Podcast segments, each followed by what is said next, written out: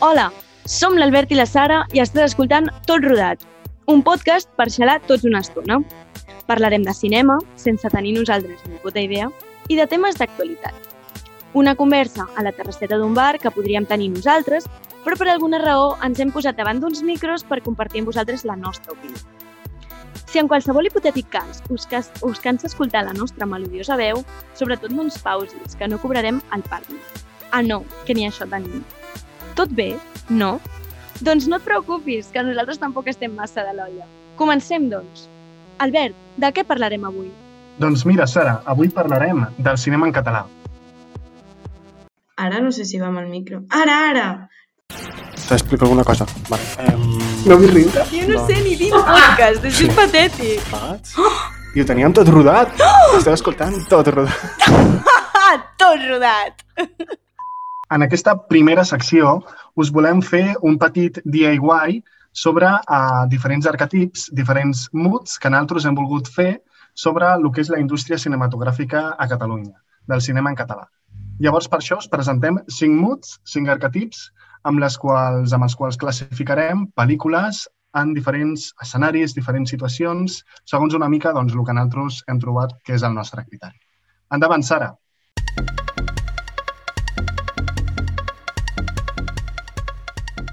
Molt bé, Albert. Doncs comencem aquesta secció dels arquetips de, del cinema en català que ens hem inventat així, perquè ens ha donat la gana, amb el primer mood, que l'hem anomenat Mr. Wonderful català.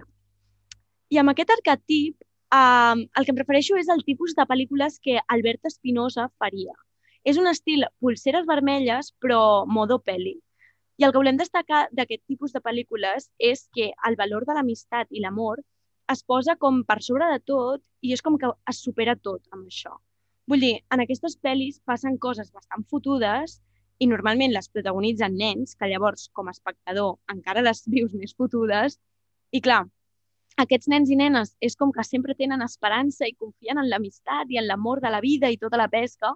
Llavors és com que amb aquestes pel·lícules plores perquè són guais, perquè plores, però a la vegada dius, sí, home, una cosa, això no passa a la vida real, no? En plan, no hi ha aquesta esperança tan heavy. Però bueno, llavors, alguns, exemp alguns exemples que hem buscat per explicar aquest arquetip són rotllo Herois, que és una pel·lícula de Pau Freixas, que evidentment el guió és d'Albert Espinosa, juntament amb Pau Freixas, i és del 2010. Bàsicament, aquesta pel·lícula tracta d'un noi d'uns 30 anys que recull una noia d'uns 30 anys fent autostop i connecten i comencen a, rememor a rememorar el seu últim estiu que van passar amb la seva colla, quan eren més joves, tal.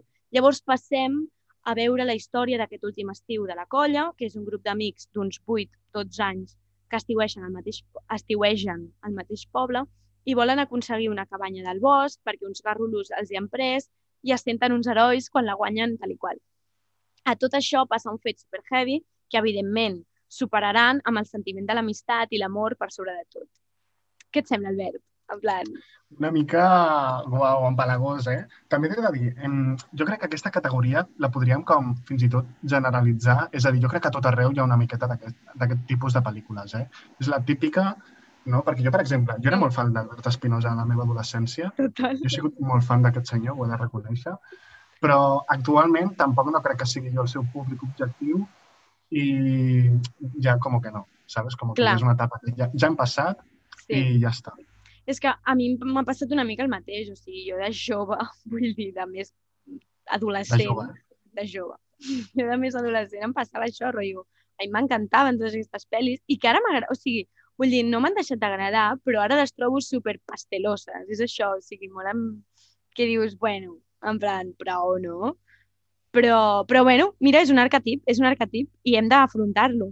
I hem d'afrontar també les pel·lis que creiem que també formarien part d'aquest mood arquetip i serien, per exemple, Torna Sara, és una pel·lícula del 2020, o sigui, super recent, de, dirigida per Laura Jou.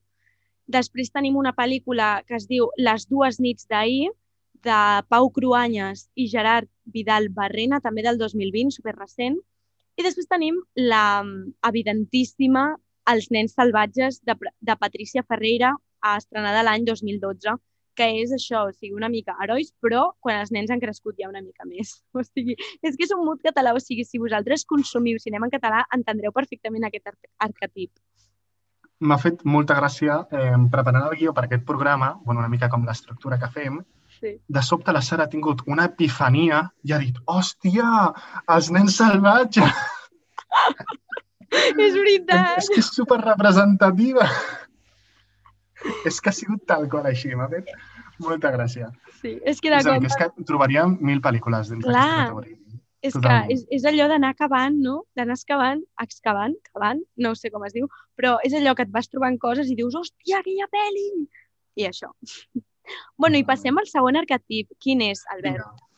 En el segon arquetip, arquetip, eh? Perfecte, arquetip, volem parlar d'un mood que seria mood poble, mood ciutat, com aquesta distinció dins de Catalunya, no? Uh -huh. Uh, però què volem dir amb això? Doncs mira, ens referim a totes aquelles pel·lícules que ens serveixen per exemplificar la diversitat cultural de Catalunya. És a dir, una distinció entre la vida dels pobles catalans i de les grans ciutats. I com el cinema doncs, pot plasmar aquests estils, que fins i tot poden arribar a creuar-se amb un viatge a la ciutat, amb unes vacances al poble, qualsevol cosa així, etc. Per exemple, en primer, en primer lloc, Estiu de 1993. Gran és un pel·lícula. exemple de la simplicitat de la vida rural, rural entre cometes, aviam, sobre com no necessitem grans excentricitats per viure en pau i conviure amb la natura.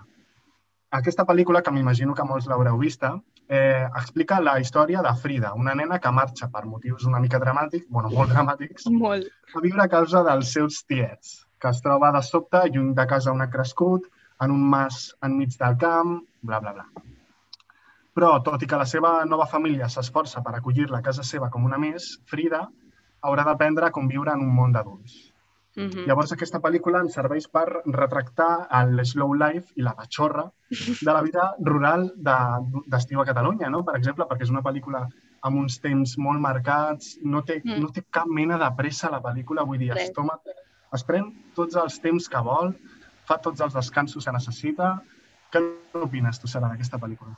Sí, o sigui, és bàsicament això, que a mi amb aquesta pel·lícula el que em fa pensar és tal qual això, o sigui, els estius de vida rural a Catalunya, perquè si mm, gent que té família a Catalunya, que té una casa a la muntanya o una casa al camp o, o jo què sé, on sigui el Montseny, jo, per exemple, tinc la sort de, de haver com passat estius de la meva infantesa i adolescència a una casa del Montseny i és com això, o sigui, no tens cap pressa, et passes el dia de- la piscina municipal a la manguera amb els teus cosins, a la, al jardí, et llegeixes en una hamaca, que això és com el que no fas mai durant l'any. En plan, és així, llavors és com que es nota molt aquest canvi de vida rural d'estiu versus vida de ciutat a Barcelona, saps? Durant l'any. És com es canvia, canvia molt i jo crec que ho s'emmarca molt bé. Totalment. I mira, ara que parlaves de, de la vida de Barcelona, eh, parlaré del segon exemple, que hem posat Jo la busco. És un exemple d'una pel·lícula que explica perfectament el mood i la realitat de viure a Barcelona. Explica la història de Max, un noi que conviu amb la seva amiga Emma, qui de sobte doncs, li suelta una notícia inesperada que provoca que al Max se li generin dubtes i inquietuds que l'empenyen a sortir al carrer i fer un tom pels curiosos i peculiars carrers de Barcelona. Eh, aquest és un exemple que, que ens serveix, doncs, per exemple, eh, m'estic repetint amb exemple, ho diré 30 cops, però bueno, diré 30 cops, no passa absolutament res. Res. Hi ha un moment de la pel·lícula que a mi em crida molt l'atenció, que és que de sobte Max eh, coneix a un nois, coneix a uns, a uns nois del carrer, així random, en plan, pues, se han hecho amigos, i acaben al, al portal, a un portal, perquè estan esperant, és que ni me'n recordo. Però clar, tu això, per exemple, ho dius, eh, això la realitat, com succeeixen aquests, aquests actes, no passaria. Perquè al cap i a la fi estàs posant a tres, tres nois joves en un portal a les tantes de la nit, que dius, això, mira, només pot acabar en dues situacions. O bé en una punyalada i en un robatori, o en cruising. I això és així. Quiero decir, o no? És tal qual. O sigui, al final jo crec que aquesta pel·li és molt guai, us la recomanem, us la recomanem moltíssim, però, mm, però sí que és veritat que amb aquest mood el que volem dir és com que es, romanti es romantitza com el fet de... O sigui, és com la ciutat, de Barcel la, la ciutat de Barcelona com a concepte, no? En plan, la vida a. Barcelona com a concepte. Però diu que és com en aquestes pel·lícules no existeix cap altra ciutat que no sigui Barcelona. Llavors és com aquesta, aquest epicentre no, de la vida catalana.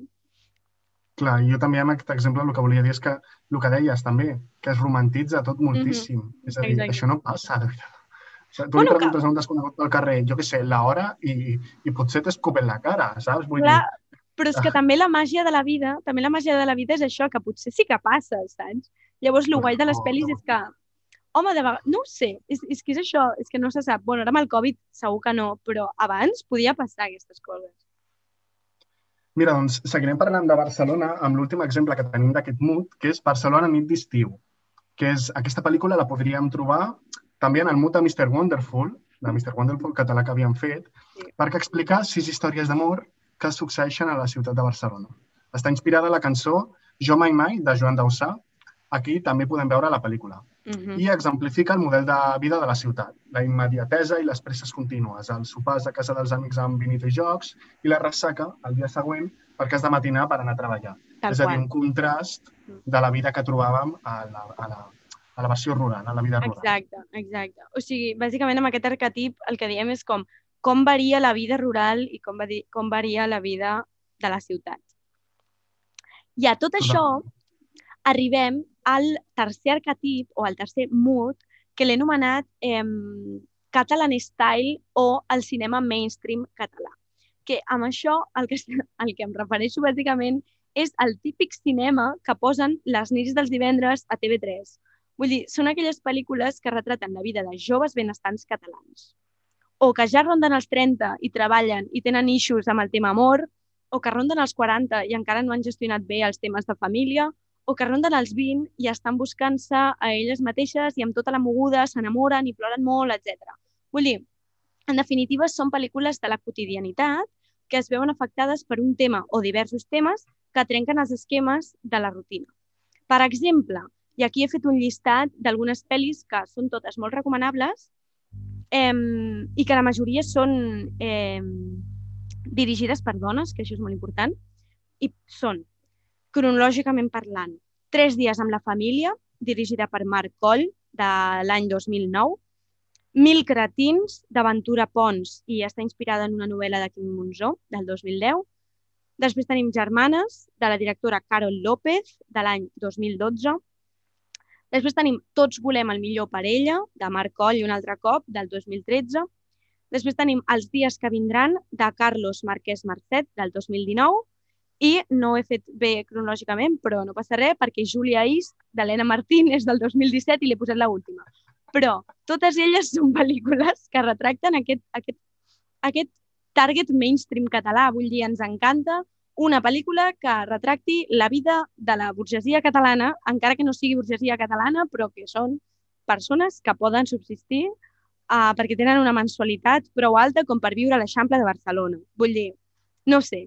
Um, Vull dir, jo crec que queda bastant aquestes clar. pel·lícules, eh? T'ho de dir, eh? Són molt guais aquestes pel·lícules. Vull dir, a mi m'agraden totes. A mi també. No les he vist totes, les que has mencionat, però top. Doncs Top, ja top. tens llista, ja tens llista per veure-les. Recomanacions? Aquí Sí. les tenim. Molt bé, Sara, si et sembla passarem al quart mood, Uh -huh. que és, mira, si estàvem parlant d'un mood eh, mainstream, ara parlarem d'un mood alterne. Llavors, eh, el cinema català ha viscut en els seus darrers anys com una efervescència en el que serien produccions que surten dels marcs comercials tradicionals. Partint de que una gran part de la base del cinema català llavors es troba fora d'aquests marcs, trobem directors i directores que marxen cap a una línia que ja difés. Les passa. Una línia discursiva amb històries raríssimes i anades d'olla totalment. Un cinema que visualment pot ser molt estètic, que ara està molt de moda, Uh -huh. que ens enganxarà en altres, els millennials o a la generació Z, però que eh, no entendrem. Vull dir, no per marca de coneixements, sinó perquè la pròpia perspectiva de la pel·lícula eh, doncs està explicada d'una forma que no és la tradicional, no és la convencional, no és a la que estem acostumats. Fins i tot. Tot i això, són pel·lícules que es poden disfrutar moltíssim, eh? sobretot si t'agrada plantejar les teves pròpies hipòtesis sobre l'argument, personatges o les trames que surten en aquests films, que és una cosa que la Sara i a mi, doncs mira, peculiarment ho fem molt. Molt i ens passem. molt. És a dir, a, mi, a nosaltres ens poses la pel·lícula més tradicional i més convencional i més vista de la història i nosaltres te la posem del revés. Però bueno. Mira, per exemple, per fer-ho una miqueta més, més exemplificat, eh, aquest mut podria ser, podria, podria haver-se anomenat mut Albert Serra. Total. Perfectament. És un director que ens serveix conceptualment per exemplificar del que estem parlant. I sobretot amb una pel·lícula que és Honor de Cavalleria, que va ser estrenada l'any 2003. És la segona pel·lícula del director i aquí ja podíem començar a veure com els trets di- distintius del seu estil. Un Mhm. punt de vista molt cru, molt real i molt literal dels mites literaris, gairebé arribant cap a un punt documentalista fins i tot Mhm. Ja que la pel·lícula doncs, és una adaptació de la novel·la Don Quijote de la Mancha, la que tothom coneixem. Mhm. És un viatge a través del silenci i dels camins. Aquí doncs, el director mostra tots els parèntesis de la vida quotidiana, aquells fragments buits que normalment les pel·lícules decideixen ometre amb una elipsis. Doncs Serra diu, no, aquí te lo pongo y te lo vas a ver. A la pel·lícula, Sancho i Quijote, que són els protagonistes de la història, caminen junts, tot i que no saben ni cap a on van ni per què. De sobte et situaran en un paratge a meitat de la Castilla i dices què, què, què, què, què, està passant? Què estic veient? Sí. O sigui, el guai d'aquesta pel·lícula jo crec que, o sigui, bàsicament Albert Serra el que fa és agafar tots els moments morts de la novel·la i ficar-los en una pel·li i tots seguits. Rotllo, totes les converses o tots els silencis que tenen Sancho i Don Quijote durant tots els seus, els seus trajectes abans de les grans batalles, no? En plan, pues, aquesta pel·lícula ens està mostrant això, aquests moments morts. O sigui, és tal qual l'absurd, però és com guai, en plan, gràcies per fer això, saps? Clar, és que és una cosa que jo crec que molts pocs directors i directores s'han atrevit a fer-ho, és ensenyar, ens ensenyar i mostrar el que normalment no s'ensenya. El que, el que no té interès, fins i tot Mhm. podria ser. Però de la forma de com ho fa és quan li dona aquest interès. Que nosaltres hem de fer un, un shout-out a Endica Rey, professor de cinema de segon de carrera, que ens va ensenyar aquest director i, pues, ja està. Que, Exacte. Pues, eso, Ens no? va donar, ens va com obrir aquest paradigma de, que existia, no? En plan, Albert Totalment. Serra com a concepte. I a partir d'aquí, fantasia. Sí. Un altre exemple, Marc Recha. No sé si ho estic pronunciant bé, ho estic pronunciant. Sí. confirmem. Sí? Confirmem. Bueno, Marc Recha. Són, jo, mira, personalment no he vist pel·lícules seves, però sí que tenim com referents i persones que n'han vist i que ens han parlat d'aquest director. Són històries més normals, però amb un punt de vista de que, com si fossin diferents. Són pel·lis molt lentes, també compten amb, aquest, amb aquests ritmes molt pausats, i el que fa que el caracteritzi aquest director és que fa un cinema gairebé metafísic. Exemplifica la serenitat i la tranquil·litat amb les seves pel·lícules, amb trames que queden gairebé en un segon pla degut als vibes que provoquen la suma de la fotografia, de la música i del ritme de les escenes. Sí. Jo, és el que, és el que dèiem abans, Sara. Jo no he vist cap pel·lícula d'aquest director, però hem vist algun tràiler Sí. i, hòstia, m'he quedat amb ganes de... Uf, Exacte, que dona, tens moltes ganes de veure-la i perquè és també com una, una nova manera de plasmar coses, no? O sigui, que no és com la, la visió típica, rotllo, a aquest nen li passa això i vol això. És com, vale, a aquest nen li passa això, però troba això, llavors es veu aquesta imatge, que llavors es veu no sé què, i surt aquest home. En plan, és com, no sé, des de com un punt diferent, no? clar, és que aquest mood seria com noves formes d'explicar les mateixes històries, Uh -huh. Però amb, amb això, amb perspectives diferents. Exacte. I és una cosa que ens agrada. Exacte, ens agrada molt. Um, bueno, i passem al cinquè Sí, i passem al últim, següent. Sí, el cinquè i últim arquetip, o mood, que l'hem anomenat el mood conflictiu barra a Catalunya hem patit.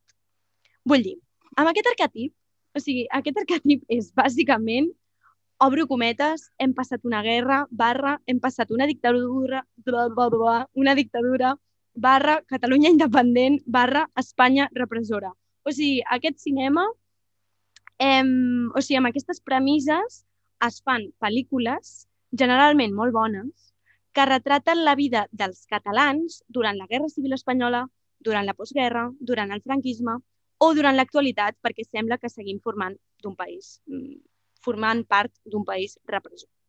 En fi, en aquest arquetip a Catalunya hem patit, trobem pel·lis com Tun, tun, tun, tun, tun. Pa negre.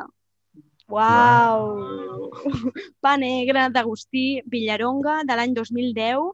Eh, suposo que molta gent coneixerà aquesta pel·lícula perquè ja n'hem parlat i d'altra banda és molt, molt, molt, molt, molt recomanable. I és bàsicament eh, la història d'un nen que es diu Andreu durant els anys de la postguerra, que viu a una zona rural de Catalunya, que això també ho podríem colar a l'arquetip la, de mut poble rural. Totalment. I bàsicament aquest nen, l'Andreu, forma part d'una família catalana i republicana que un dia està al pel bosc i troba uns cadàvers d'un home i el seu fill. Llavors, a partir d'aquí, les, les autoritats intentaran culpar el pare de l'Andreu, però ell voldrà esbrinar qui és realment el culpable. Llavors, a tot això, ell es va adonant de quan podrits estan els adults i la quantitat de mentides que es diuen com a instrument de poder. En fi, és una pel·li molt heavy que retracta molt bé el mood postguerra i la vida rural que van viure els nens generació guerra civil quan van fugir de la ciutat. El meu pare sempre diu que aquesta pel·lícula retracta molt la vida de la meva àvia, o sigui, de la seva mare, perquè vivia a Barcelona i la van fer mm, anar-se'n a viure amb els seus tiets o cosins a Berga per fugir de la, del, doncs, dels bombardejos de la ciutat no? i de, de la destrossa de la ciutat i ella va viure una vida rural d'aquell tipus, o sigui, tal com viu l'Andreu a la pel·lícula de Pa Negre. Llavors és bastant... Clar, és que al cap i a la fi el que estan fent és com retractar una Exacte. realitat que ha succeït Exacte. i que moltes persones han viscut de primera mà. Exacte. I, en, I tenim la sort de que encara existeixen o sigui, la sort de desgràcia, que estem molt a prop d'això que ha passat, o sigui, que ha passat fa molt poc, realment, històricament parlant, i encara hi ha, o sigui, hi ha testimonis de primera mà, i això és molt fort, i tenim la sort, en aquest cas, de poder parlar-ne, de poder treure informació d'aquesta gent que ho ha viscut i és com, joder, ho hem d'aprofitar, saps? Llavors, o sigui, bàsicament, aquest, aquest mood, aquest arquetip recull pel·lícules històriques, una mica, perquè al final estan retractant realitats que han, que han existit. Llavors, seguint en aquesta línia, també trobem una pel·lícula que es diu Incerta Glòria, també del mateix director, Agustí Villaronga, i aquesta és del 2017, o sigui, és més recent, i és una adaptació cinematogràfica de la novel·la amb el mateix nom de Joan Sales. És una pel·lícula, en aquest cas, ambientada al 1937, per tant, en plena Guerra Civil Espanyola, i bàsicament és la història d'un jove oficial republicà que coneix una vídua, s'enamora i tal i qual, Llavors, veieu-la, està superbé i es capta de manera molt acurada la vida durant la Guerra Civil, bàsicament. I finalment, per acabar aquest mood conflictiu, eh, ens trobem amb una pel·lícula que crec que és una pel·lícula que vaig veure quan tenia 12 o 13 anys, que em va impactar tant. O sigui, i ara segur que si la veig l'entendré d'una manera encara molt més profunda, però és Fènix 1123 i és una pel·lícula de Joel Joan i de Sergi Lara, del 2012, i tracta d'un nen de 14 anys que es diu Eric Bertran, que crea una web inspirada en Harry Potter i l'Ordre del Fènix per defensar la llengua catalana. I el màxim que fa aquest nen és enviar correus a supermercats demanant que facin les etiquetes en català. I va i un dia arriben 30 guàrdies civils de la brigada antiterrorista de Madrid a casa seva i l'acusen de ser un terrorista informàtic per haver enviat aquell correu. O sigui, una bajanada. És que em sembla una locura de pel·li que s'ha de veure. És molt recomanable perquè realment t'està retractant, com deia abans, la realitat que encara estem vivint en aquest estat. O sigui, no sé, és molt fort. No entrem en política, però tothom... En... O sigui, lo personal és político, vull dir que s'entén perfectament quin tipus de, de política mm, s'està mm, retratant aquí, no? Vull dir, bueno. Totalment. Aquesta, mira, jo no l'havia vist, però m'ho guardo com a recomanació totalment i avui mateix és que me la penso mirar. Eh? Mm -hmm. Perquè, a més, és el que deies, fins i tot, si ja l'havies vist, pot, potser tornar-la com a reveure eh, et pot donar com noves perspectives o simplement nous plantejaments mm -hmm. i mm-hmm. adonar-te de com avui en dia seguim trobant aquests problemes i aquesta repressió fins i tot. Exacte, exacte. Doncs molt bé, eh, fins aquí tenim la primera secció. Esperem que us hagi agradat molt i, sobretot, si heu vist durant aquests dies alguna de les pel·lícules que hem anomenat o alguna més que us hagi vingut al cap, comenteu-nos-ho a l'Instagram. A quin arquetip creieu que pertanyen? Ens farà molta il·lusió llegir-vos i saber què en penseu. que per cert, el nostre Instagram, arroba tot rodat. Exacte. Qualsevol cosa, Passem, doncs, allà. Passem, doncs, a la segona secció, que serà una sala de jocs.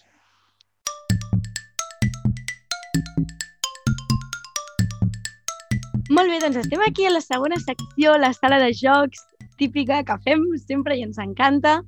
I um, el joc que et porto avui, Albert, és un joc que l'he anomenat traduccions dubtoses. Aviam, veuràs. Vale. Llavors, partint de la base que, segons els criteris de traducció de la Universitat de Barcelona, mira, he trobat això i m'ha semblat pertinent, posen cal posar en català el títol de les pel·lícules que han estat doblades en català.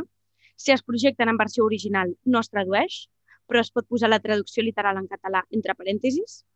He plantejat un joc que es basa en això mateix, en què endevinis com s'han traduït al català els títols de les següents pel·lícules. Vale. Vale? Llavors, la primera pel·lícula que et proposo és Inside Out. Ui, per què l'he pronunciat d'aquesta manera? Inside Out. És aquella pel·lícula d'animació que són les cinc emocions d'una nena, de la Riley. Sí, sí, la de Saps Disney, sé quina és. Vale, que en com castellà és- al català? En castellà és del revés, no, crec? I en català? Pues, hòstia, en català, jo què sé. Mm, mm, cap per baix. No sé. Com és? El, no, és que... És igual que en castellà, del revés. O sigui, del revés també Del està ben revés. dit en català. Llavors, Ah, pues mira. l'han traduït Bueno. tal qual.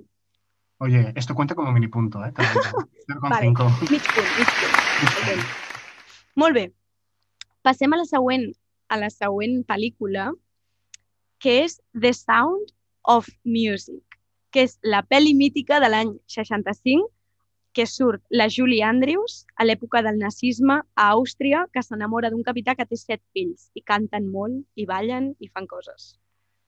The Sound of Music. Doncs això, a veure, podríem fer la traducció literal, en plan, el soroll... Saps quina pel·li és? No. Pues no. Tu Vale. La cançó, o sigui, la pel·li aquella que té... Do, na, na, na, na, na, na. Saps? És aquesta pel·li. En anglès, Sound of Music. Vale. Sí, sí, sí, sí, sí, sí. Ja Vale, en català com es diu? Doncs el soroll de la música, alguna cosa així. És que no sé. Que malament ho he fet, eh? Ho he fet fatal. Com? No riguis! Perdó, perdó. O sigui, no estic de tu. Em ric perquè és com la meva pel·li preferida de quan era nena, quan era petita. Sí, i me la sé, clar, me la sé moltíssim, però és evident que hi ha gent que no, saps? Clar. Vale. Vols que et digui com l'han traduït? A veure, com és en català? Vale. En català és somriures i llàgrimes. Perquè en castellà és sonrises i làgrimes. Vull dir, és, no sé, jo vaig conèixer abans la pel·lícula perquè es digués Sonrises i llàgrimes i després, quan era més gran, em vaig adonar que en anglès era The Sound of Music. O sigui, hòstia, em... no et sembla com molt heavy que les traduccions no tinguin cap mena de sentit? Uau. Vull dir, que fort, Albert, eh? Em sembla... Mira, todos los puntos fuera, fuera, quítamelos todos. que fort, Dios, claro, joder, sonrisas y lágrimas. Va, següent, següent, aquí no passa res. Ah, no ha res, no ha res. Vale, la última pel·lícula es diu Ordinary Love. Perdoneu el meu accent anglès mediocre. Ordinary Love. És una pel·lícula romàntica, dramàtica, del 2019, dirigida per Lisa Barros i Glenn Leyburn. No tinc ni idea quina pel·li Ai, és, però m'ha semblat interessant. Em sona molt, eh? Fet, que- una pista, va, que no la vull pifiar més, hòstia. Vale. Uh, la paraula love no està traduïda literalment. O sigui, no Clar. surt amor en el títol, Uau. però surt el concepte. Tradicional, en plan... No. Clar, és que jo... No, jo ho he fet Ordinary revés, he fet al Love. Mm, aquesta pista, mira, eh? L'agafava amb pinces, eh? T'ho dic. No sé, és que... Vale, vols que t'ho digui? És que de veritat veure, és molt és? difícil. És que amb això l'ú- l'únic que vull dir, o sigui, el meu objectiu amb aquest joc és que veiem eh, el, el poc sentit que tenen les traduccions. tu que l'Albert. No, això, això no, perquè jo tampoc ho sabria. La pel·lícula, o sigui, l'original es diu Ordinary Love Uh -huh. I la traducció és Eternament enamorats. O sigui, no té cap En sentit. quin moment? Veus? Li treuen com tot el context. no sé, no, no és el mateix. Ordinary Love és com el amor mm, normal, no? En plan, amor com ordinari. rotllo. A mi no em sembla bé. Aviam, aquestes traduccions qui les fa? No, Amb qui hem de parlar, Sara? L'Institut de Doblatge, passem? Aviam. no ho sé. Però bueno, fins aquí el meu joc. És molt curt, molt escuet, però això és el que us dic, que no, té cap, no tenen cap mena de sentit les traduccions. No, eh? Mira, jo ara passem al joc, si vols ja. Vale. He fet un trivial tonto. Un trivial molt curtet, molt facilet, vale? Jo t'ho he posat molt fàcil, Sara, vale? Mm? Te't queixaràs? I mira, comencem, doncs. T'he fet tres preguntetes molt curtes sobre cultura cinematogràfica catalana, així a, en general. Vale? Doncs mira, la primera. Digue'm, en quin any el curtmetratge Suc de Cindra, de Síndria, d'Irene Moray, va ser premiat amb el Premi Goya a millor curtmetratge de ficció? Et dono, et dono, et dono tres opcions. Vale. 2016, 2018 i 2020. Vale, 2020 no. És que, clar, no em dius l'any No d'estrena. ni una pista, ni una pista. Però és que tu, tu te n'adones que no m'estàs preguntant l'any d'estrena, sinó l'any que va guanyar? En plan, això és molt difícil. Quins anys m'has dit? 2016? 2016, 2018 i 2020. Aviam, jo et diria 2018. Aquesta és la teva resposta. definitiva. 2018, Compramos 2018? sí. Doncs no. Hola. Va ser el 2016. 2020, l'any passat. Els 2020? darrers premis Goya, sí. Hola. Sí, tia, sí. És la Però si no te'n recordes, perquè mira, la, bueno, la següent pregunta no, però una de les preguntes que se m'havien acudit era la Irene Moray i la Helena, Martí, la Helena Martín amb qui es van sentar molt a prop en aquesta gala que va sortir a Twitter, es va fer superviral, en plan, van sortir memes perquè les van sentar al costat de Pedro Sánchez. Ah, sí? Que jo me'n recordo veure i m'estava cartant, en plan... Hola! Quina gràcia. Aquesta pregunta m'hauria fet molta més gràcia, però tampoc l'hauria sabut perquè és que no tinc Twitter. O sigui, tinc. Twitter però no l'utilitzo. Llavors, no m'entenc. Vinga, passem a la segona. Aquesta és més fàcil, eh, Sara, per favor. Digue'm, com a mínim, el nom de tres personatges ficticis, és a dir, del, no el nom real, sinó del personatge, de la sèrie Marley. Ah, vale. Ah, Pol Rubio. vinga. Bueno, el cognom no feia falta, eh, però si ets així de xula, Home, és que una xula. Pol Rubio, Marlí Bergeron, que és el Marlí, uh -huh.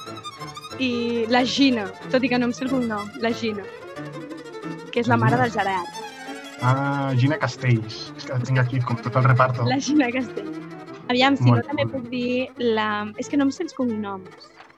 Oh, El Bruno Bergeron. Bruno Bergeron. Ja està. Vale. Molt bé. Vinga, i l'última, doncs. Quina? Aquesta també va amb, va amb opcions, eh, t'ho dic. Quina d'aquestes tres pel·lícules catalanes podem veure a Netflix? Primer, Barcelona, nit d'estiu, de Dani de la Orden, de la que ja hem parlat en aquest programa. Uh La segona, La propera pell, d'Iñaki La Cuesta i protagonitzada per Àlex Moner, el noi de pulseres vermelles, un dels nois. O Pa Negra, d'Agustí Villaronga, que també hem parlat en aquest programa. Quina de les Ai, tres sí, està disponible a Netflix. Netflix? Estic entre dos, eh? Perquè crec que... La primera crec que no. Estic entre les, la segona i la IPA negra. La de la, la pròxima pell, o sigui, la, la pròxima piel, La pròxima IPA piel, negra. Perquè no sé per què em sona que IPA negra està a Netflix.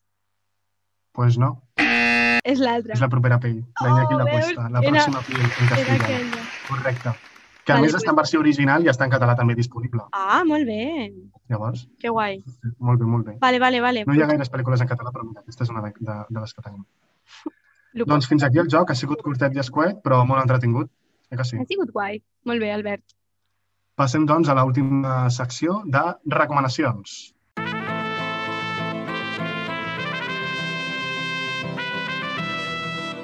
Molt bé, Albert.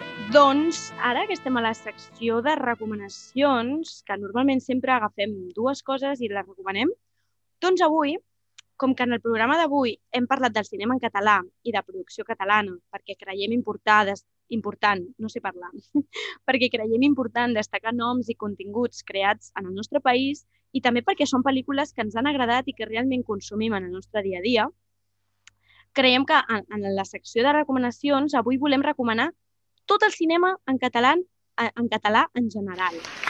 O sigui, ja no està de moda odiar el cinema en català, ja no és cutre, ja no fa ràbia, hem crescut, ara és guai, ara el podem apreciar. Hem de ser conscients que la llengua s'ha de conservar i no podem deixar que el català es torni una llengua en desús. L'hem de fer viure i créixer. Li hem de donar suport. I és per això que és tan important donar-li importància i suport a les produccions en català, ja sigui pel·lícules, sèries, llibres o canals de YouTube. Vull dir, el el català ha de sobreviure i nosaltres som els responsables que això passi. Llavors, per això volem que, o sigui, volem recomanar tot el, totes les produccions en català. Totalment d'acord, Sara. Eh, la indústria catalana eh, cinematogràfica compta amb tota una vessant de perspectives i de categories que enriqueixen molt el resultat final que nosaltres podem veure a les pantalles. En aquest programa hem pogut observar exemples d'aquesta diversitat cultural en aquest àmbit. Per tant, cinema en català no és només la llengua i l'idioma, sinó que és el resultat de la cultura, de la tradició i de les costums d'un poble amb història. A més, si us voleu enriquir d'aquest cinema en català, podeu visitar una pàgina web que és catalanfilms.cat. És un llistat i un catàleg de totes les pel·lícules produïdes o coproduïdes a Catalunya. I fins i tot es poden filtrar doncs, per gènere, per any, per director, per el repartiment, per públic, per festivals... És una pàgina web on podeu trobar molts títols molt interessants i que us volem recomanar també. Sí. I què, Albert? Doncs jo crec que amb tot això, com ho tenim? Com ho tenim, Sara? Ho tenim tot rodat. No ens cansem, eh? No ens cansem. No? Moltes gràcies Estem- per escoltar-nos i esperem que us hagi agradat aquest Ai. programa. Sí, totalment. Moltes gràcies també per eh, escoltar-nos després d'aquest peron que hem fet, d'uns Exacte. petits dies després de Nadal per als exàmens, però hem tornat amb molta força i amb molts ànims. I això, que gràcies. Sí, i que ens, ens veiem, ens escoltem en el següent programa. No us oblideu de seguir-nos a l'Instagram arroba totrodat i de comentar els arquetips que creieu que també podríem afegir a la nostra llista. Correcte. Vinga. Molt bé, doncs. Fins ben aviat. Adéu, Adéu. moltes gràcies.